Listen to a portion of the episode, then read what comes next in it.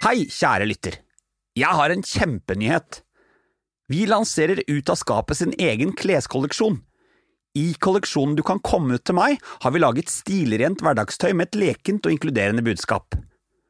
Målet med kolleksjonen er å inspirere og skape dialog, samtidig som du føler deg som en million kroner i høykvalitets hverdagsklær du kan bruke igjen og igjen.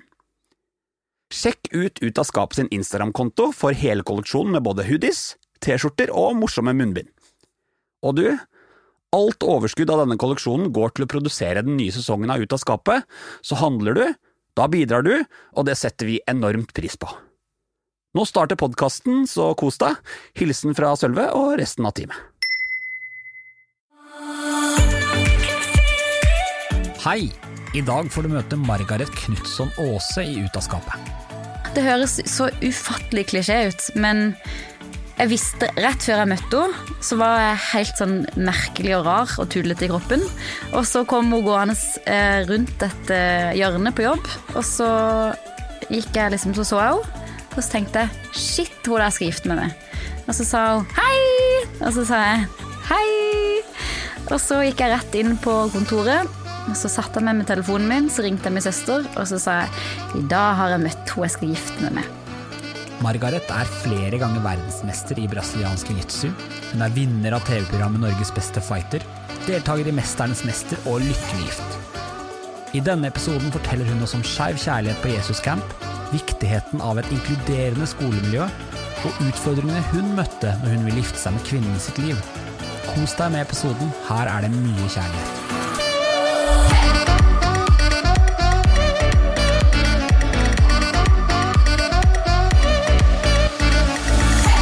Hei, Margaret. Hei, Sølve. Velkommen i podkasten Ut av skapet. Så deilig det er å ha deg på besøk. Så deilig det er å få lov til å komme på besøk. Åh, det er godt å høre. Hvordan går det med deg? Det går fint, vil jeg si. Hvordan går det med deg? Jo, det går veldig bra. Jeg har embracet uh, hele koronatiden som vi nå sitter i og spiller inn, og syns det er veldig deilig. Og um, nye jobbprosjekter og alt det. Men um, ja, apropos nye jobbprosjekter, jeg hører at du har fått litt nye jobbprosjekter også? ja, det var en sånn egentlig sånn impulsiv greie. Jeg hater å kjede meg. Eh, og så hadde jeg bestemt meg for at jeg skulle jobbe selvstendig egentlig ja, fremover nå. Jeg er litt lei av å ha sjef, jeg liker å bestemme sjøl. Og så eh, hadde jeg litt for mange timer i løpet av det, et døgn et par ganger etter hverandre. Ja. så da kjente jeg nei, fuck it, nå må jeg gjøre noe. Og så heiv jeg meg rundt og tenkte jeg bare kaster meg inn, og så prøver jeg å ta litt vikartimer og få jobba som, som lærer også, da. Og så skulle jeg egentlig bare være vikar i kroppsøving, og så har, plutselig så endte jeg opp som kontaktlærer. Så nå koser jeg meg med tredje klasse fram til sommeren. Så fra selvstendig næringsdrivende til barneskolelærer? Ja, men det var jo veldig fin timing da, sånn koronamessig. Så jeg hadde i utgangspunktet ganske mye jobb som selvstendig som gikk rett sidelengs når, når det ble koronafest. Så da var det greit at man var lærer i tillegg. Så nå ser du fordelen med å ha noe å falle tilbake på? Jeg, jeg, jeg syns egentlig jeg, jeg, kan ikke helt skjønne åssen jeg havna der, for jeg elsker å være der nå. Men Ja. jeg bare Hvilken sinnstilstand var det jeg var når jeg bestemte meg for å gjøre det? Eh, så nei, jeg vet ikke. Jeg tenker verden er fin og ordner opp for en sjøl, og bare Så gikk jeg med strømmen og heiv meg på. Så ja. Er det tredje klasse du har? Det er tredje klasse, ja. Hva er det som er deilig med tredjeklassinger? Åh, de er jo Jeg tror det er en sånn feil som, som ikke Eller alle er jo veldig sånn rett frem og sier ting sånn som det er. Når de er små, så blir det mindre og mindre av det etter hvert. Ja. Og så tenker jeg at eh, det er jo det jeg liker aller, aller mest med de, at de er små og rare og ekstremt ærlige. Og veldig sånn raske i hodet og tenker ikke så mye på ja, ikke så mye på hva de sier før det har ramla ut. Så og det har jeg nok ganske mye av sjøl, så jeg trives veldig godt sammen med dem. Så du kjenner litt på sånn indre tredjeklassing? Ja, definitivt. Er de veldig eh, direkte? Kjempedirekte. Får du spørsmål som du er litt sånn, nå må du svelge to ganger før du kan svare på? Eh, jeg ler, eller Problemet mitt er mest at jeg har mest lyst til å bare gi dem en high five og le av dem og si, og si at de er sykt gøye, men så har jeg skjønt at jeg, det er ikke akkurat det som er jobben min hele tida. Men eh, ja, det er mye spørsmål. Den ene dagen så kom jeg Det var på i forgårs, tror jeg det var, så kom jeg til, ikke til skade, for jeg tenker at det er på høy tid at de får litt eh, informasjon, men da sa jeg sånn ja, ja han eller hun eller eller hen eller ja, et eller annet liksom. Og da var det sånn, hva, hva sa du nå? Så jeg slang, slang ut en hen eh, som endte opp i eksepsjonelt mange spørsmål, og de var helt sjokkert over at det gikk an å ikke bare være en jente eller en gutt. Så det ble en interessant KRL-E-time som egentlig skulle handle om kirka. Men det mest sannsynlig ekstremt nyttig, da.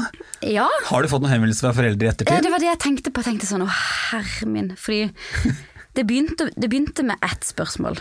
Det begynte med at han ene sa kommer vi til å få en ny elev i klassen på et eller annet tidspunkt en eller annen gang i livet vårt. Som er den store drømmen til veldig mange klasser, å få få en ny elev. det var skikkelig drømmen hans i Ja. hvert fall. Og så sa jeg ja, ja, ikke nå liksom, men kanskje en eller annen gang senere. Og så sa han ja, men det, kanskje det kommer en gutt da? Ja, eller ei jente? Og så sa jeg ja, eller kanskje det kommer en som verken er gutt eller jente. Og da var det bare sånn alle bare Dette er informasjon jeg aldri har fått i hele mitt liv. Så det eskalerte jo totalt, og så tenkte jeg, vet du hva, dette her, det er på høy tid å ta den praten her hvis ikke de har hatt den enda. Så da var det, er dette seksualundervisning? Fikk jeg. Ja, for jeg la merke til på Instagram her at du delte en sånn der liten eh, sak fra, fra, fra tavla di. Hvor det var noen som hadde det typiske som vi alltid gjorde når vi gikk på skolen. Det var hvis læreren hadde skrevet noe, så tok vi bort bokstaver så det ble noe sexrelatert. Og da sto det pult. Ja, kjempegøy. Er det i tredje klasse? Yes. I tredje klasse? Ja.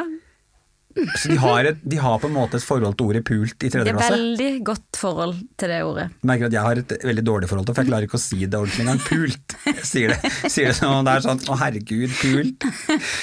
Du, er du en typisk sørlending, eller? Eh, ja og nei, tror jeg. Jeg tenker at eh, ja, jeg er glad og liksom sånn ja ja, det ordner seg, og positiv, men nei. Jeg er veldig langt ifra en typisk sørlending også. Eh, jeg tror det mest er på sånn treighet. Det går innmari tregt. Jeg tenkte jeg skulle åpne treningssenter på Sørlandet i ja, egentlig januar nå. Eh, så tenkte jeg ok, kanskje jeg bør ta et halvt år i Kristiansand først og bare være der. Og kjenne litt på åssen det er å være der. Det er jo lenge siden jeg har vært der. Ja, Eh, det gikk tregt, altså. Ja. Det var alt, alt går tregt. Så nei, jeg dør. Det Nei. Er det ty er, er, så disse mytene som vi østlendinger og videre oppover har litt om sørlendinger, de er litt, det, er, det er litt hold i de, liksom? Er de litt treige? Er du redd for å få alle sørlendinger på nakken nå? Eh, nei, for det at eh, de vet det på noe. Jeg tror de vet det ganske godt sjøl. Og jeg tror at alle har, liksom, alle har kommunisert med mens jeg har vært der nede, og de vet i hvert fall at jeg syns at de er trege.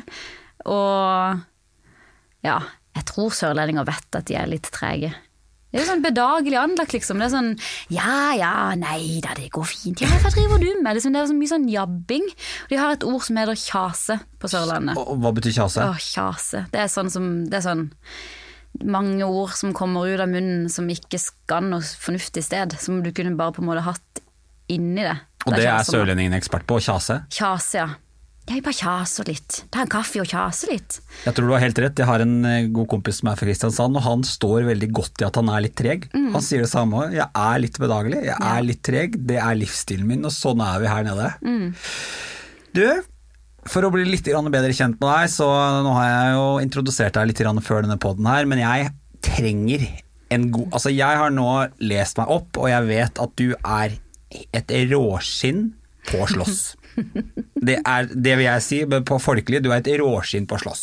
Ja. Og så er det så enormt mange forskjellige eh, kampsporter. Eh, og jeg vet at du er eh, verdens beste, det er lov å si det fortsatt, Veldig lov. verdens beste på brasiliansk jitsu. Og så ble jeg sånn, ok, brasiliansk jitsu, jitsu, jeg prøvde å showe off med en annen her som jeg visste her i stad. Forklar meg, hva er brasiliansk jitsu? Kort oppsummert så er det litt som sjakk, men med kroppen. Eh, Det foregår mest på bakken, og så er målet å dra i en arm eller et bein eller et hode eller en eller annen kroppsdel som ikke skal bøyes. I en eller annen retning. Eh, og så er det jo basert på at eh, et lite menneske skal kunne slå et større menneske med teknikk, og ved å bruke det store mennesket sin styrke imot det, da. For det her var jo det jeg kikket litt ekstra på, men at der, når du sier at hele greia er at et lite menneske skal kunne slå et stort, og det er det Tenker du at eh, det er litt av grunnen til at du valgte den retningen? Ja, jeg, kanskje. Jeg tror, jeg tror egentlig Litt det sånn David mot Goliat-tankegang? Ja, sikkert. Jeg har liksom I tidligere kampsporter jeg har gjort, så har jeg jo ofte måttet trene med folk som er større og sterkere enn meg, Ja, ja. fordi jeg har vært eh, liten jente, og de har vært store mennesker. Um, men jeg tror det jeg liker best med brasiliansk jiu-jitsu, det er det at det er så Det utvikler seg hele tida, det er så vanvittig mange forskjellige teknikker, eh, og du kan liksom aldri bli, bli utlært, samtidig som du kan tilpasse det veldig for kroppen din. Da. Du kan være liten og tynn, og så kan du være stor og sterk, og så finner du teknikker som funker for kroppen din, og så bruker du på en måte det What your mama gave you. Så det er mulig å gjøre sånn genetiske tilpasninger her. Absolutt. Hva er din, eh, hva er din styrke i, kampsporten? Din? Jeg er veldig taktisk. Så jeg En brainer? Yes. Så, vi skal snakke mer om det senere. Du, jeg kaster oss eh, rett utpå. Når var første gang du kjente på litt annerledes, annerledeshet i forhold til det å være født og skulle være født hetero? Et- Det er vanskelig å si akkurat når jeg tror det var, men jeg, jeg kan liksom tenke tilbake igjen på første gang jeg tenkte herre min, dette her er jo spesielt. Det, det var da min eh, lærer eh, sto og røykte. Før skolen starta, eh, så sto det ei sånn sykt pen dame og lukta blomster, Ja. selv om hun røykte, og røyk lukter dritt. Eh, men da sto hun og var fin og røykte, husker jeg tenkte «Ah, Kanskje jeg skal begynne å røyke, da? Kanskje, liksom, kanskje, kanskje jeg kan henge litt med henne? Eh, og det er jo søt tankegang, at man tenker at røyking på en fjerdeklassing vil få deg et steg nærmere heng med fin lærer. Eh, ja, så det må kanskje være første gangen. Så fjerde klasse, forelska i læreren-situasjon. Altså, du hører sangen kommer spillende inn fra Ja, siden her nå. det det. Så ok, når man, fjerde klasse, hvor gammel er man da? Nå har du tredje, da er de Da er du er ni-ti-ish nå. ti år, Mm. og da er man jo kanskje på det stadiet hvor man er, altså, Seksualitet er litt sånn fjernt. Det er jo fortsatt litt sånn usikkert og utviklende, og man vet ikke helt hva de følelsene er. Men var det sånn da at du altså, Kjente du på det som Hvordan type følelser har man når man liksom er i fjerde klasse og kjenner på det overfor et eh, voksenmenneske? Er det bare sånn, Du sier at hun var sykt fin, er det bare, var det en sånn psykisk greie? Hva tenker du? Jeg tenker at Det er nok sikkert lettere å liksom se tilbake igjen på og tenke på når man har blitt litt voksnere også. Eh, at ok, hun tror du kanskje syns hun lukta litt ekstra godt, på en måte. tror ikke de andre i klassen din tenkte akkurat det samme. Skal ikke kimse av den gode Nei. røykelukta. Nei. Var hun læreren din på ordentlig òg? Ja, det var det. Og hun lukta godt i glassrommet? Åh, hun lukta ikke godt når hun røykte, røyk Nei, nei. lukta jo vondt, men hun lukta liksom Hun lukta deilig. Lukta parfyme, dame, nam. Det er så rart hvordan man utvikler noen sånne greier for de folkene man får interesse for. Mm. Det kan være sånne ting som i utgangspunktet altså For din del så var det røykingen som var, Mm. det var sånn, eh, som, som var kanskje det mest eh, Som var noe av det attraktive. Ja, men jeg er jo en taktiker, ikke sant. Ja, ja. Og jeg så røyk. Jeg røyker ikke, hun røyker. Hun står liksom før skolen hver dag og røyker. Dette, vet du. Dette kan, dette kan bli noe. Dette er veien inn. Jeg tenker at det må være ekstremt fint eh, i, i datinglivet å ha evnen til å plukke ut sånne ting som gjør at du kan, eh, hva skal jeg si, eh, legge til rette for eh, potensielle eh, gode opplevelser. Nå er jeg litt usikker på om denne podkasten skal dra inn i en sånn potensiell god opplevelse, fjerde klasse og lærersak. Det føler jeg, vi er ikke der. Eh, men jeg bare syns det er så fint at du forteller det, for det er ganske tidlig å kjenne på det for mange da, eh, allerede da. Mm. jeg vet, og det fortalte du til meg når vi pratet sammen litt tidligere, at din sånn første eh, En av dine største sånne opplevelser var kanskje var på Jesus Camp. Og da, la oss bare begynne med hva er Jesus Camp? Jesus Camp. Ja. Er det køddeord, eller kaller man det Jesus Camp? Nei, jeg tror, man, jeg tror ikke man kaller det Jesus Camp. Jeg kaller det Jesus Camp. Ja, ja. Det, det er jo sånn typisk sommer på Sørlandet, og så er det Det meste blir jo arrangert, eller mye blir arrangert gjennom en eller annen form for kirke. ja. Og da skulle det være en sånn sommerleirgreie for eh, folk rundt omkring i hele landet som var glad i å både trene og Jesus. Ja, ja. Eh, og da husker jeg at eh, jeg sto og spilte volleyball med en gjeng som jeg kjente, og så kom det svinsende ei frøken gående bort forbi, som var ganske sånn breial og bare jeg vil jo være med', og heiv seg på. Og så spilte vi volleyball sammen, og så sa hun 'Øy, nå skal vi på butikken'. Så ble vi med på butikken, og så på vei dertil så husker jeg hun tok meg i hånda, og så gikk vi liksom bort og lanka bortover, og så tenkte jeg Altså Og så Lanka, da snakker vi Ja. til alle, Ja, alle ok, østlendinger. Ja. Altså, de leia. Mm, vi leier. De leide bortover. Da leia vi bortover. Sånn out of the blue.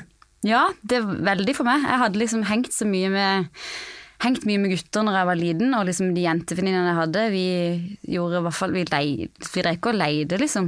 Det, det gjorde vi ikke. Vi snakka om gutter som man ville leie litt på. Ja, ja. Eh, så det var sånn Det hadde liksom aldri slått meg noen tanke om at du ja, kan man leie rundt på venninnene sine? Dette var annerledes greier. Hvordan føltes det da? Det var innmari stas. Det var, det var sånn Don't let go! ja. uh, og, og man kan alle kjenne tilbake på den derre den, er det, Vi snakker litt sånn sommerforelskelsesfølelsen. Mm. Ble dette noe mer? Ja, det spørs jo helt øyet som ser, på hva man definerer som mer. Jeg var jo griseforelska, Ja. det var jeg.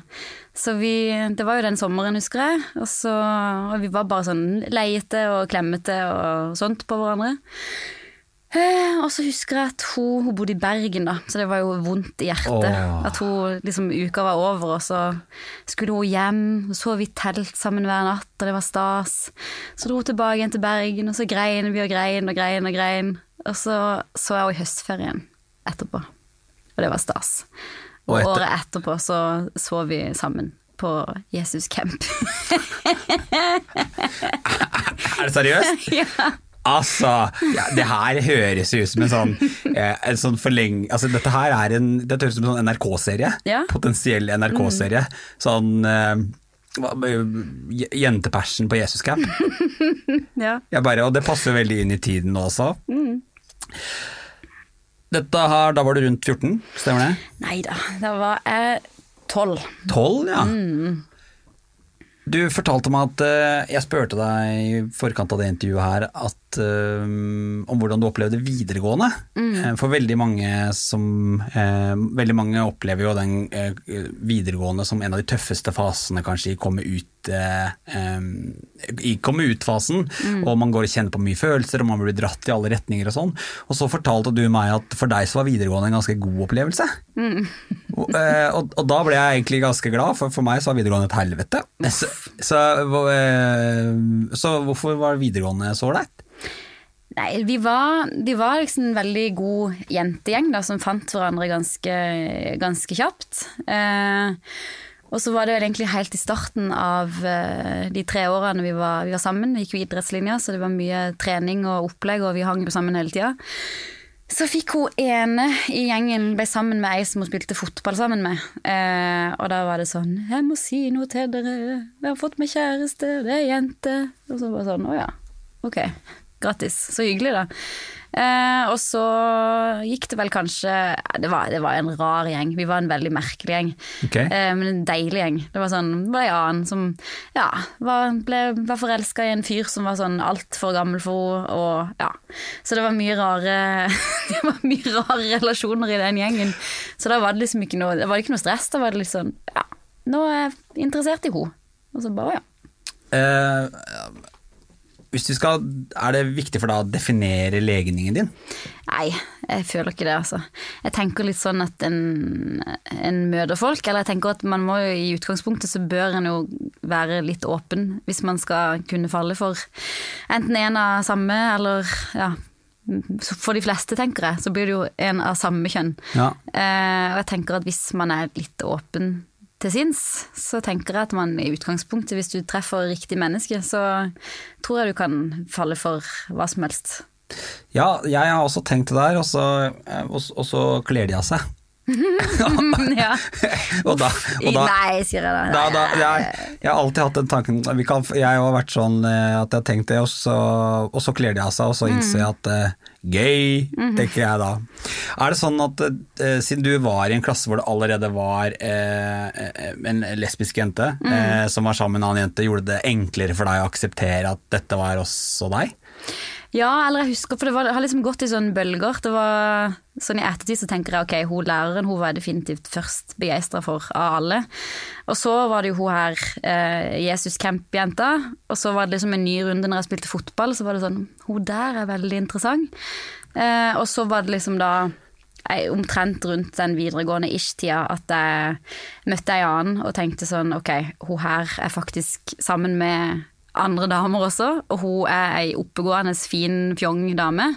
Eh, det går visst an, liksom. Så deilig, da. At man kan være voksen og finne, finne, noen andre bra damer man kan være sammen med. Så jeg tror vel det var mest liksom, på videregående at jeg tenkte at, man, at ikke bare det var en fase, eller at ikke det var sånn der, noe du kunne velge vekk, på en måte. Jeg husker jeg tenkte at åh, hun og hun de er sykt fine, og jeg tenker altfor mye på dem, men det hadde vært veldig mye mer praktisk om det bare kom liksom, seilende inn en kar som, som jeg hadde blitt forelska i.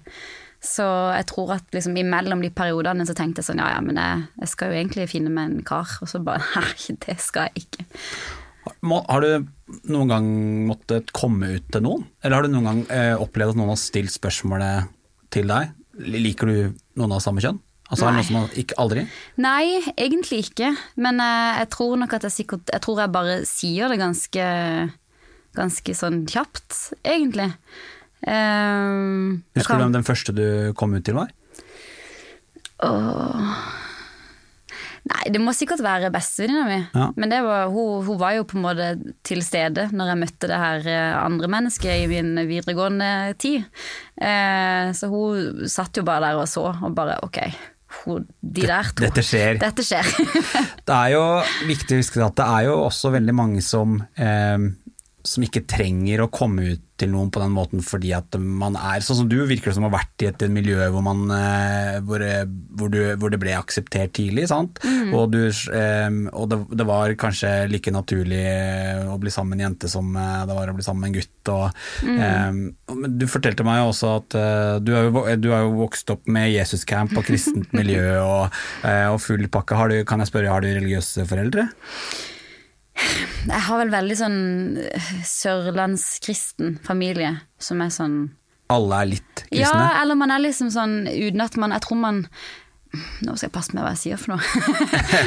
jeg tror at man liksom At en er så vant til at alle andre er det også. Ja. At det er litt sånn Jeg er kristen. Men så har du liksom ikke tenkt helt over hva, hva det er. Og det Jeg stiller jo spørsmålstegn ved alt som, som, finnes. Jeg hater å bare akseptere noe. Ja. Så jeg hadde en sånn periode jeg fikk kyssesyke, det er en annen historie, men jeg fikk kyssesyke, og så tenkte jeg er det ikke på tide nå å liksom bare pløye gjennom Bibelen og Koranen og alt, bare for å ha gjort det, liksom? Fordi For det er jo en helt vanlig ting å gjøre. Ja, men jeg tenker jo litt sånn, hvis man skal hvis man man burde jo ha et forhold til hva man tenker om liksom, kristendom og religion og sånt. Helt enig. Og da tenker jeg det er jo veldig teit om du skal basere hele troa di på hva en eller annen nisse sier i kirka, som er en prest. Mm. For de, jo, de, de, leser jo opp, eller de tolker det jo på sin måte. Uh, jeg ble heldigvis frisk før jeg, før jeg rakk gjennom Bibelen, men det var, ja, det var et interessant prosjekt. Så nei, jeg vil si at jeg, kom, jeg kommer fra en sånn sørlandskristen familie som ikke er i kirka til noe annet enn bryllup og gravferd, holdt jeg på å si. Så ja, det er en sørlandskristen familie, tenker jeg. Har du noen gang møtt eh, fordommer mot at du er skeiv? Nei, det er vel mer litt sånn der at, at folk skal på en måte fortelle meg at du Neimen, hvorfor, hvorfor er du det, liksom? Du som er så søt. Ja. sånn Ja, skal vi se mm, Nei. Så, så, det er mer det at folk blir overraska fordi at jeg krasjer med hva de ser for seg, da. Du passer ikke helt inn i stereotypen? Nei. Det er eh, Nei, det er Jeg skal, jeg skal fortelle en historie. Jeg husker Vi skal komme tilbake til det litt senere, men jeg husker eh, du var i avisa sammen med kona. eh, Yes. Og og det, den avisartikkelen lå på et eh, pauserom hvor jeg jobbet. Og så tok jeg det opp for å sitte og lese det, og da eh, kom to av mine kollegaer bort og var sånn «Øh, Hvorfor er det to så fine damer som har på seg brudekjole og og står sammen? og så er det sånn Ja, nei, nå er det sånn at stereotypingen du kjenner til, det er også Der har man også skeive, og så har man alle andre. Det fins skeive i alle samfunnslag, og jeg syns det er morsomt når du forteller det at du kanskje har blitt eh, mer utfordret på det at de ikke På hvordan du hvordan fremtoningen der, eller hvordan du ser ut, at de ikke nødvendigvis ser for seg at du er skeiv. Jeg har vi, vi kommer ikke utenom å snakke litt om idrett. Det, sånn er det bare. Eh, du er fire ganger verdensmester. Du har vunnet EM-gull, Ja. og så har du tatt en hel haug med bronsedritt, som Ja. du sa. så, så, som tydeligvis ikke det, Bronse er ikke godt nok. Det er kjedelig. Eller sølv er nesten mer kjedelig, for det bronse, da har du ofte liksom vunnet en bronsefinale. Ja, ja. Men eh, hvis, man skal, hvis man skal remse opp sølvene og bronsene og alle mulige andre plasseringer, da, det er det, litt kjedelig å høre på, er det ikke det? Jo, det er det. Det er kjedelig. Hvordan kom du på at du skulle begynne med kampsport? Eh, det var jo jul, da, på Sørlandet. Det er helt vanlig. Ja, tidspunkt. og da eh, har jeg ei kusine som hadde begynt med kampsport, som var eldre enn meg. Og så slengte hun meg rundt litt på stuegulvet, og så tenkte jeg dette her var jo omtrent som å kjøre karusell. Det har jeg jo lyst til. Og da fikk jeg smiska meg med og starte på jiu-jitsu litt eh, før jeg egentlig var gammel nok til det. Så, så, så du, fikk jul, du fikk bank i jula, og så mm. innså du at jeg vil fortsette, jeg vil gi tilbake? Ja. Akkurat. Mm. Hva er det som Altså, det er jo det er jo ikke altså, er, Jo, for deg er det nok vanlig, men for oss utenfor så er det ikke så veldig mange vanlige man møter jenter som driver med kampsport. Nei, det spørs jo hvor man leider, tenker jeg da. Ja, Det har vel Eh. kanskje med hvilket miljø man banker i. Mm. Er det Var det aldri noen som liksom stilte spørsmålstegn ved at du skulle begynne å slåss? Det kan helt sikkert hende at folk har stilt spørsmålstegn ved det. Men eh, det, har ikke, det har ikke nådd inn, tror jeg. Jeg har liksom ikke tatt inn over meg at det er noe, at det er noe som en skal tenke på at man ikke skal gjøre. Nei. Nei. Nei, det der Nei, nei det er, eh, er Jeg syns det er helt rått. Jeg har også fått lov til å se sett litt film av deg in action. Og jeg bare jeg, Ja, jeg kjenner at jeg er veldig opptatt av at jeg ikke skal gjøre deg pissed på noen måte. For jeg vet at uh, den lille hadde garantert vunnet over, over den store, selv med pensjonert verdensmester. Har du eh, Altså, du, Jeg reagerte jo litt på at du sa alle de der bronsedriten. Eh, at det ikke var så viktig for deg. Har du, et, eh, har du veldig konkurranseinstinkt? Nei, egentlig ikke. Eh, og der, det er jo en sånn ting at alle forventer at jeg skal ha veldig konkurranseinstinkt fordi at At brettspill er et helvete med deg? Ja, det er Ja. sånn der Å, vil ikke spille spill med det. Hvorfor vil du ikke det? Jeg vil spille spill med det. Så, så det er hvis ikke det, hvis ikke det betyr noe for meg, så gidder jeg ikke heller. Og det tror jeg er et sånn gen vi har i familien. For min søster er akkurat samme. Hun er på ingen måter noe toppidrettsutøver. Men det er, eh, det er sånn hvis ikke, hvis ikke det betyr noe for meg, da, så gidder jeg ikke å gjøre det. Og da, da driter jeg i det. Sånn at å spille brettspill det er hyggelig, det, men jeg har ikke noe behov for å vinne. Du er ikke dårlig taper heller? Nei, vil ikke si det. Det er jo sånn Det ligger jo ganske mange timer bak det å ta et gull. Mm. Uavhengig av hva du driver med, så hvis du skal ta et gull, så har du lagt ned en eh, solid innsats. Mm. Um, og jeg, jeg har lyst til å vite liksom, Du snakket om at uh, taktikkeren er det som på en måte har gjort deg s- som kanskje har vært den viktigste egenskapen til at du har blitt så god som du har blitt. Mm. Hva, hva legger du i det? Hva, hvorfor er hodet så viktig? Nei, jeg tenker det er jo ikke bare taktikk, men også det, det mentale, da. Med at en må være tøff i, i toppen og være glad i motstand også, og motgang. Uh, det er jo en Jeg sammenligner det jo litt med sjakk. Eh, og der, for dette du Istedenfor å flytte brikker, så flytter du, din, du flytter armene og beina dine, og så får du et mottrekk av din motstander. Og hvis du da har klart å forutse hvilke veier de kan gå, altså at de har alternativ A, B, C, D, E, F, G, H, og hvis du da har lagd en plan og liksom lurer det inn i den fella som du har satt opp for dem, så er det jo innmari lett å, å vinne. Eh, Men så er det jo mange andre òg som er gode på det. Eh, Så det handler jo mest om det å, å forstå, da, eller å ha Ja, forstå hvor utrolig mange timer som ligger bak, eh, ligger bak å vinne. Eh, og også ha på en måte såpass mye respekt for idretten og for motstanderen din også, at du hvis ikke du får det til den dagen, så var det fordi at noen andre mest sannsynlig har enten trent hardere enn det, eller altså, gjort ting som du ikke har gjort. Og det er jo ingenting som er mer inspirerende etter du har selvfølgelig skuffelsen har gitt seg. da. Så er det jo ingenting som motiverer en mer enn å vite at ok, dette og dette og dette, der feiler jeg, og da må vi jobbe videre til neste mål. Hvor mye tid bruker du på å analysere motstandere når du eh, holder på med kampsport? Altså, ta, Mm. det må, du må jo lære deg hele bevegelsesmønsteret til den du skal Mm. slåss mot. Du har jo, Først så har man liksom en sånn basic forståelse for alle de forskjellige posisjonene, og Ja. det er jo 1000 millioner. eh, og så når du har fått det grunnlaget der, så lærer du deg jo noe som du blir ekstra god på sjøl. Og så er jo trikset at du skal prøve å få satt ditt game før den andre setter sitt game. For da må du enten bare forsvare deg hele tida og prøve å komme deg ut av hva de holder på med, eller så kan du på en måte kjøre ditt, ditt game, da. Eh, så det er, det er mange angrep, og så vet du jo, sånn som de beste motstanderne, de vet du jo hva gjør også. Og da må man jo trene på hvordan man skal klare å sette de ut av, av spill, da. Så man bruker en del tid før, uh, før kamper på å vite hva, hva de skal gjøre, hva du må passe deg for. Altså, du må jo ha du må jo ha hatt ekstremt mye vondt opp igjennom. Ja, altså, jeg, jeg, jeg, jeg har sett deg. Mm. Det må ha vært mye smerte opp i all gjennom all treningstiden.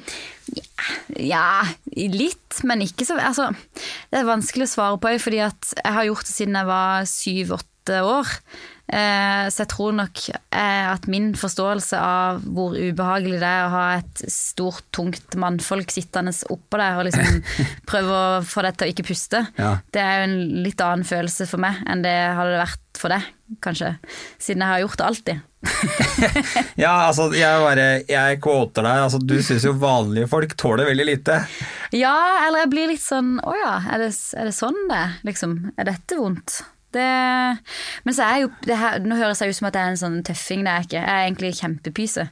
eh, men på matta så er det sånn du har så mye adrenalin, og så er du så vant til den liksom, det, Jeg vil ikke si det er vondt heller, for det, det er bare et menneske som sitter oppå det. Eh, men jeg liker ikke sånn eh, vondter som jeg kan eh, liksom planlegge at skal komme. Sånn eksempel skal vokse seg og sånt. Det hater jeg. For det er sånn, du kan bare vente på at de skal dra. Skjønner du? Altså, du ser når det kommer. Ja, ja. Og da, Du kan ikke planlegge deg ut av det. Nei, eller da er det litt sånn, det er mye bedre hvis du bare klapper til meg, enn at du liksom sier sånn ja, da er det tre sekunder til du får vondt. Det er sånn, nei, det liker jeg ikke. Så du, du liker sånn surprise-voksing, du da? Ja, Det hadde jo vært veldig greit om det fantes, men eh, det tror jeg ikke finnes akkurat nå. Men det var sånn, den ene gangen så løsna øret mitt, det var ikke noe gøy. For da måtte Øret ditt løsna. ja. Kan øret løsne? ja, det kan faktisk det. Det, var, å, det, ja, det, det har vært mye verre løsninger enn det løsna på meg, men det løsna liksom hele inn langs liksom baksida Altså på det ble revet ut av Det revna, liksom? Ja, så, og da måtte du liksom stripse sammen. Og da fikk jeg helt panikk, for dette, det var jo ikke noe vondt. Eller det var jo, jeg kjente det jo når det skjedde, men det kunne jeg jo heller gjort ti ganger til enn å vente på at noen skal drive og pille meg inn i et sår. Oh, ja. Eh, Nei, det har jeg ikke lyst til. Æsj. Jeg har skikkelig lyst til å snakke litt om kjærlighet. Yeah. Det syns jeg er fint, fordi eh, når jeg tenker på deg, så tenker jeg på kjærlighet. Så deilig. Det er eh, et sånt eh, scenario du har skapt rundt deg sjøl. Du traff den nåværende kona di i 2012, stemmer det? Mm. Hvorfor akkurat eh, hun? Åh, for det, hun er jo livets dame. Kan ikke si så mye annet enn det. Jeg så henne og tenkte oss to, vi må gifte oss så fort som mulig. Eh, før noen andre fisker henne inn. Eh, nei, hva, hva som er bra med Helle? Vi er veldig like, samtidig som vi er kjempeulike. Eh, hun er veldig sånn målretta og tar tak i ting og ja, hun er flink i det hun gjør. Eh, driftig og får ting gjort. Eh, og så er hun samtidig veldig ærlig og raus og lar meg være så rar som jeg er. Eh, og hun holder på med sine ting, jeg holder på med mine ting, så hun er selvstendig. Og så er vi gode på å ha det fint sammen også. Visste du at Helle var skeiv? Eh, hvis ikke hun var det, så hadde, så hadde jeg dessverre måttet gjort henne om, altså. Jeg hadde det. Du var så målretta at det Ja, her nei, bare, vet du hva, akkurat med henne så er det litt annerledes. Fordi med tidligere folk man har møtt som man har tenkt sånn uh, du er interessant, du skal jeg få tak i på et eller annet vis. Mest bare for at det er stas å jakte deg inn, liksom. Men med henne, det høres så ufattelig klisjé ut, men jeg visste rett før jeg møtte henne, så var jeg helt sånn merkelig og rar og tullete i kroppen. Og så kom hun gående eh, rundt et hjørne på jobb, og så gikk jeg liksom, så så jeg henne. Og så tenkte jeg shit, hun der skal gifte meg med. Og så sa hun hei, og så sa jeg hei. Og så gikk jeg rett inn på kontoret. Og så satte jeg meg med telefonen min, så ringte jeg min søster, og så sa jeg i dag har jeg møtt hun jeg skal gifte meg med. Og så sa min søster ja, eh, vet hun om det? Eh, hun du skal gifte deg med? Nei, det vet hun ikke. Nei, da lykke til. Så det var den historien. Men altså, du, det er jo så du, du visste ikke om eh, Du visste ikke Altså, kona, kon, kona di heter da Helle. Du visste ikke om hun var skeiv. Du bare tenkte at 'this is the woman for me'. Hva gjorde du for å få det her eh, landa det her, da? Jeg tror det var litt flaks, for jeg er veldig Eller det var ikke, det var ikke flaks, det var målretta jobbing, men det var, det var Taktisk analyse. det var nok det. Nei, eh, eh, det var en sånn periode jeg var hjemom i Norge, for det var rett etter jeg hadde vært med på et TV-program. Eh, så da skulle jeg være hjemme i Norge i tre måneder, før jeg skulle dra tilbake igjen til USA og gå VM og være der i to-tre måneder. Så jeg rakk liksom å treffe henne på jobb eh, i et par uker. Eh, og så skulle jeg da tilbake igjen til USA, for det VM og livet skjedde der. Ja, ja. Eh, og da husker jeg tenkte sånn der åh, så utrolig dritt at jeg skal tilbake igjen dertil, for jeg vil jo helst bare være her, og liksom jeg, planen må iverksettes, jeg må bli kjent med henne. Men uh, så snakka jeg med min søster igjen, og så sa, så sa hun ja, men det er fint, for dette For hun, hun var ikke for øyeblikket singel heller. Uh, og da husker jeg min søster sa Men hvis du skal gifte deg med henne her, så er det innmari greit, for da drar du til USA nå, og så lever du livet, og så kommer du tilbake igjen. Og hvis hun da har blitt singel, så var det meninga at jeg skulle gifte dere. Og så var det det som skjedde. Altså, det er jo et veldig deilig Men det ligger jo mer bak her. Eh, altså var det sånn, så Når du da kom tilbake igjen fra USA, så eh, hadde Helle blitt singel? Ja, først så jeg, jeg fulgte jo med, da. Altså, jeg, jeg tenker, Du har jo holdt henne Det er jo viktig å holde det litt varme Ja. i mellomtiden. der. Du kan jo ikke bare ha sagt 'ha det, stikk til USA', og så Nei, men var, Helle er jo veldig rar, for hun mener jo at Altså, nei. Hun Hun mener jo at hun ikke tenkte på meg som noe som var eh, noe, et aktuelt prosjekt i det hele tatt. Eh, Mener hun. Ja, hun mener det. Jeg Ja. er ikke enig. eh, og, og så tror jeg òg hun mener at jeg liksom ikke var noe Jeg tror hun, hun sa til meg at hun egentlig bare tenkte at jeg var livets flørt, liksom. Som bare ja, ja, nå skal hun prøve å hanke meg inn. Så det var egentlig det var ingen sånn Det var ikke noe snakking utover hei og hopp på jobb, så det var liksom Det var ikke lagt noe For Helle var sjefen din, var hun ikke det? Jo, Ja. det var hun. Så det var liksom ikke lagt noe noe, Jeg hadde ikke starta noen plan liksom, før jeg dro til USA, da. Eh, men mens jeg var i USA, så så jeg sånn Oi sann, nå står det, står det ingenting om Helle sin eh, relationship-status. For du fulgte med. Selvfølgelig fulgte jeg med. Og så var jeg sånn Oi, se der la hun et bilde. Ja, jeg liker litt på den, skriver litt på den. Og så kom jeg jo tilbake igjen.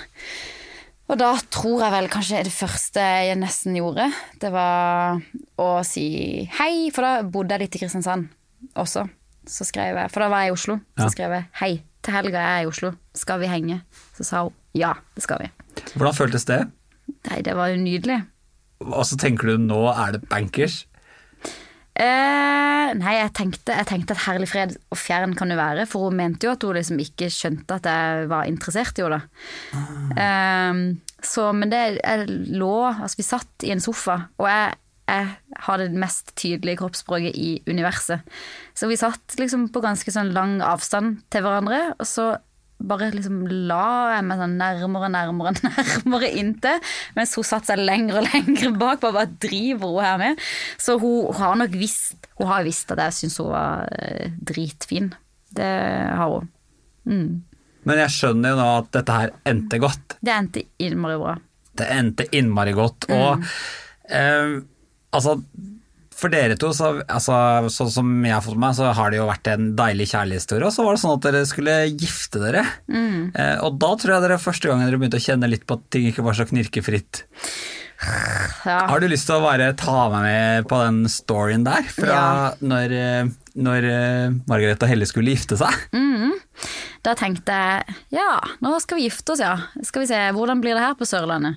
Og så visste jeg at han presten som var i den kirka som jeg var vokst opp i, at han eh, var ganske konservativ. Er dette på Sørlandet, eller? Yes, Ja. da er vi på Sørlandet. Så da tenkte jeg ringer, og så må jeg bare høre liksom hva er, hva, hva er stegene liksom for å få gifte seg der, og, og egentlig si at jeg skjønner helt fint om ikke du kan gjøre det fordi at det går imot de tro. Men, eh, men eh, gi meg noen tips og triks. Eh, og så ringte jeg, og da var det vel egentlig fikk jeg egentlig beskjed om at det var en innmari mye bedre idé å bare gjøre det i Oslo. Eh, og litt sånn at eh, Sørlandet var ikke helt klare for det, og eh, han kunne godt vie oss, men vi må jo tenke på hva, hva menighetsrådet sier, og hva kirka sier, og dette her går jo ikke, og, og sånt. Så han prøvde liksom å dytte det litt under et teppe, og forhåpentligvis at vi bare tok det et annet sted.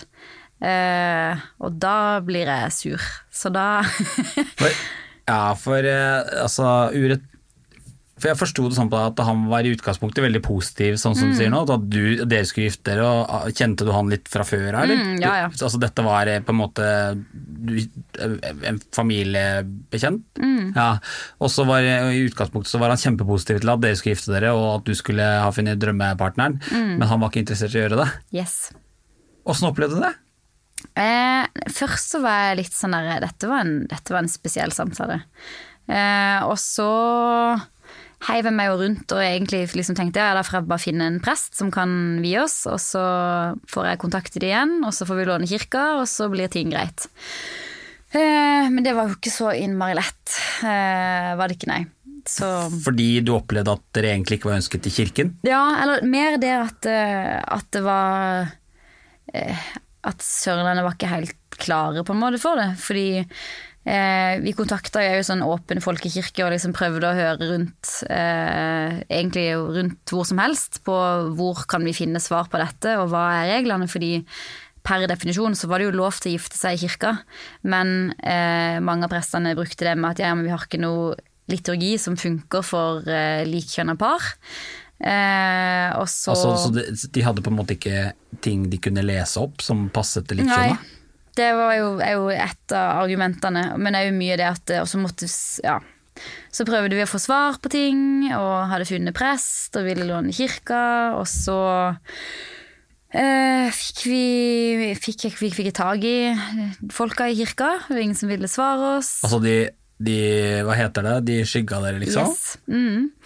Eh, og så da kommer vi bare til et punkt at vi ble sånn, vet du hva, fuck det dritet her. Vi skal gifte oss og kose oss, og nå finner vi ei annen løsning, og så tar vi tak i det her dritet seinere, så andre folk slipper å være igjennom samme opplegg. Jeg blir så irritert når ikke det er liksom ja eller nei. Jeg har ingen problemer med å forstå om det er noen som syns det er vanskelig, fordi at ikke det går etter si tro, da. Det er jo helt topp. Men da blir jeg sånn flott, da har du sagt det, men ikke si at du syns det er greit at vi gifter oss, da. Når du ikke syns det er greit, eller du ikke kan stå for at du sier at du syns det er greit. Problemet her er dobbeltmoral, Helt riktig. og det har du store utfordringer Jeg spyr. Ja. Mm. Det er en veldig spennende eh, diskusjon akkurat det der. Jeg syns jo eh, Jeg var litt sånn tidligere, kanskje, at jeg, jeg, jeg opplevde det at ok, du har lært opp i en tro, du har er lært opp til at det å være skeiv er galt, og det må jeg respektere, men nå begynner jeg å falle litt tilbake på det der, må jeg egentlig respektere det? Eh, har dere gjort noe i ettertid for å prøve å liksom endre holdningene? For du sa jo det at dere valgte på en måte å gjennomføre giftermål, det, og det vet jeg at det var ti av ti hele bryllupet, men har dere tatt tak i noe i ettertid for å prøve å liksom, vet du hva, her må dere gjøre en endring i kirken? Ja. Eh, vi, fikk jo et helt kjempestort intervju med avisa på Sørlandet, eh, som jeg jo syns det var helt eh, tøysete, hele situasjonen. Eh, og fikk masse oppmerksomhet, masse spørsmål og opplegg rundt det. Og det er jo mange som ikke Man tenker liksom at eh, Norge har kommet kjempelangt, og at alle har like rettigheter, og hva skal dere egentlig med pride, og hva er vitsen med opplegget? Dere er jo som alle andre mennesker. Men når du ser på en måte at det at enkeltmennesker bare kan stoppe ting sånn som skjedde der, da. Det er ikke greit for meg, og det er jo en sånn ting som jeg tenker at eh, folk trenger å, å få vite om, at sånn er det faktisk. For det er jo faktisk ikke sånn at i inkluderingslandet Norge så kan vi som er skeive gifte oss hvor vi vil. Mm. På papiret er det det, men i praksis så er det ganske mange ting som skal klaffe for at vi skal eh, få det gjennomført. Og du gifta deg, var det 20, 14. 2014? Eh, og det er jo ganske eh, Det er jo eh, eh, ganske spesielt at eh, det er fortsatt mange der ute som tror at nå er det lett å gifte seg som skeiv, men det er ikke det. Du må faktisk ta, du må passe på hvor du kontakter, du kan forvente å få nei. Presten har i utgangspunktet nesten et siste ord i mange, eh, i mange tilfeller, og sånn som i deres tilfeller så valgte dere bare å Sånn som du sier, fuck it, vi gjør det et annet sted. Så nei, det der er, eh, det er så vanskelig. Kjente du noen ganger på Var du noen gang redd for å skape dårlig stemning i miljøet du har vokst opp? Nei. Ikke? Ikke i det hele tatt. Jeg tenker mer det at, eh, at det er litt sånn Ja, jeg tenker at Det hadde sikkert vært annerledes hvis jeg hadde bodd der. Og liksom måtte gå og trampe opp i samme menneskene, og kanskje hvis jeg hadde vært en del av kirka. Da hadde det sikkert vært vanskeligere for meg. Men det er jo ikke, en måte, det er jo ikke en del av livet mitt nå i det hele tatt. Eh, og så syns jeg ikke det er greit at det fins liksom, cowboyer rundt omkring som får styre på sånn som de vil. Så det er litt sånn sorry, Mac, men da må du ta konsekvensene for at du har vært et rasshøl. Og det, det er ikke meg det går utover, det er deg, dessverre. Har du, eh, har du liksom fått ro rundt det der nå? Føler du at det er greit, eller er det fortsatt litt sånn bitterhet? Nei, jeg var egentlig så fort vi fant ut at uh, dette her gidder vi ikke, så, så var det sånn ferdig. Nå, nå hadde jeg ikke hatt lyst, jeg hadde ikke hatt lyst til å gifte meg der om du hadde kasta hele kirka til meg. Det nope. Men bare det at noen sier at det ikke er muligheten til det, da blir jeg sånn Jeg skal gjøre som jeg vil, og du skal ikke stoppe meg. Ja, jeg tror mange kan kjenne på det, og ja, det er så man er født, eh, eller vi som er skeive, da, vi opplever jo veldig ofte at eh, hva skal, eh, hva skal jeg si det, at rettighetene våre er noe som er gitt til oss. Hvis man er født som heterofil, så har man bare fått de. Ja. Og jeg opplever også det at man kan De rettighetene kan like fort bli tatt vekk fra oss igjen. Da. Og det tror jeg er det man kjenner på disse gangene man kommer i sånne situasjoner. Hva er Hva er nøkkelen til deilig samboerskap? Det tror jeg kommer jo innmari an på hvem du er sammen med og hvem du, du er. Men i hvert fall for vår del så er det viktig at vi kan fortsette å være de vi er, med de interessene vi har, og, og kunne leve to forskjellige liv samtidig som vi er gode på å prioritere hverandre og ha det fint når vi er sammen, da. Du har liksom forståelse for at eh, man eh, har ulike liv? Mm, og så tenker jeg jo at jeg, da jeg møtte Helle, så var jo hun et menneske, og så var jeg et annet menneske. Og så tenker jeg at hvis man bare skal bruke tida på at nå skal du slutte å være den du var før vi ble sammen, så, så tenker jeg det er jo ikke bra for en Helle, fordi jeg falt jo for Helle for den Helle var også. Så jeg tenker at man både på en måte vokser samme vei samtidig som man får lov til å ja, gjøre hva man vil sjøl også. Det der er jo så rart, jeg har tenkt mange ganger selv òg.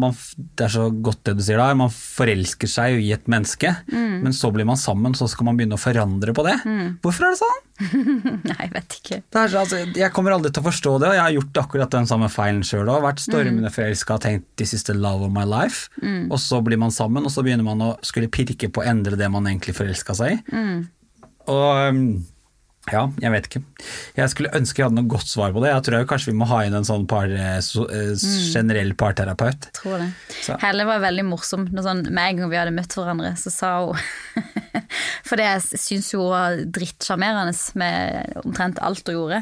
Så Helle er jo veldig Ja, hun er veldig sjarmerende, men da så på meg og sa hun sånn Du syns jeg er sjarmerende nå, men om to år så blir du dritirritert. Så hvis du bare skriver ned det du tenker nå, så hadde det vært fint. Så kan du ta det opp når du blir irritert igjen på meg seinere. Bare Hadde hun rett? eh, Ja. Fordi dere, altså jeg regner med at det kan gå en kule varmt hos dere òg. Ja, er du gal? Absolutt. Men vi er snille med hverandre. Sånn at uh, vi Det er klart at vi er uenige, og det er klart at vi blir irritert på hverandre. Men jeg tror jeg kan telle på liksom tre fingre hvor mange ganger vi har diskutert eller liksom vært sinte på hverandre på ja, åtte år. Det er jo noe med det der det er så lett å, Når man krangler i parforhold, så opplever jeg ofte at det er så lett å hente fram de svakhetene du vet at den andre har, bare for å være stygg. Og da blir krangelen så mye heftigere enn den kanskje burde ha vært. For det å være uenig og diskutere, det er jo naturlig. Men jeg merker at det, det kan jeg i hvert fall gjøre veldig ofte, er at jeg bare er sånn og ja, det vet jeg at han er veldig sår på. Da henter jeg det inn i denne diskusjonen som handler om noe helt annet. Ja. Og så eskalerer den, den, den eh, krangelen i noe som bare er vondt. Så nei, det er, jeg blir skikkelig glad. Jeg, jeg må, dere to er sånn, eh, mine sånn go to-personer. Jeg tenker en dag, en dag så skal jeg kjenne på den der godfølelsen der. Og jeg liker, at, jeg liker de tingene du sier òg, for jeg, jeg, følger de. Det er noe med det der å ha en sånn gjensidig respekt. Og så handler det vel om tillit. Absolutt. Og det er jo en av de tingene som jeg tror gjør at det funker såpass bra med oss også. At vi, vi gjør det vi vil, og så vet jeg at eh, hun er gift med meg, og det er meg hun vil være sammen med. Og hadde dere hatt lyst til det, så hadde dere vært gift med meg. Så hvorfor skal jeg liksom, detaljstyre hva hun holder på med for noe? Det må hun finne ut av sjøl. Jeg elsker litt sånn kjærlighetsprat. ja, det er koselig. Jeg syns det er kjempefint. Jeg prøver å være litt sånn uh, Mr. Hardy-guy, men egentlig syns jeg det her er veldig fint. Du, eh, sånn avslutningsvis så har jeg veldig lyst til å spørre deg om en ting. Hvis du skulle ha et råd du har lyst til å gi til lytterne, um, hva ville det ha vært? Det er jo innmari vanskelig. Ett råd. Jeg har lyst til å gi tusen, men Du kan eh, få gi 1000 òg. Ja, det tar litt lang tid. Jeg kan lage et eget, eh, en egen podkast. 'Tusen råd med Margaret'. Episode 1. Eh, nei, men en, jeg kan ta et sånn nyttårsforsett som jeg hadde sjøl, som er sykt vanskelig å gjennomføre. Men jeg sto i det i altfor alt for kort tid, men likevel så gjorde jeg det et par ganger. Og det er å ikke anta at de du snakker med, er heterofile. At hvis du har en for eksempel, så jeg skulle melde inn folk på treningssenteret når jeg jobba på Aker Brygge, kom det inn en kar eller ei dame i dressen sin og veldig sånn normal type, hvis man kan si at noen er normale. Og da var det sånn Ja, har du en kone eller en mann eller Som du kan trene med? Og da så du at de bare liksom så opp og litt sånn eh, Spurte meg om Og antar hun at Og ble liksom veldig forvirra ut av det. Men jeg tenker at det er deilig å ikke liksom drite i å anta at eh, folk er noe du bare har sett for deg at det er. For det kan godt hende at ikke det er det. Og med den, eh, det rådet der, med den holdningen der, så vil man jo også kanskje potensielt ha mulighet til å møte på litt bedre kjærlighet fremover også. For det er ganske mange ganger jeg tenker at folk går glipp av kjærlighet bare fordi man antar. Ja. At, eller man går glipp av skeiv kjærlighet fordi at hei, dette er ikke en person som liker det samme som jeg liker. Tusen takk for at du gadd å være en del av Ut av skapet. Jeg vil bare si at det her var sånn der, Jeg sitter litt sånn rød i kinna, kosa meg med den praten her. Har fått litt troen på kjærlighet og kjenner at dette her vil godt. Um, Det var veldig hyggelig at du ville være med meg i podkasten. Så hyggelig å få lov til å være med, altså. Takk for at du hører på podkasten Ut av skapet. Det betyr mye for mange. Informasjon om dagens gjest finner du i episodebeskrivelsen. Sjekk alltid ut fine folk på sosiale medier. Denne podkasten er helt avhengig av deg, så er du glad i Ut av skapet, del om du lytter, og rate oss gjerne der du kan rate podkast. Jeg gleder meg skikkelig til nye skeive historier neste uke. Vi høres!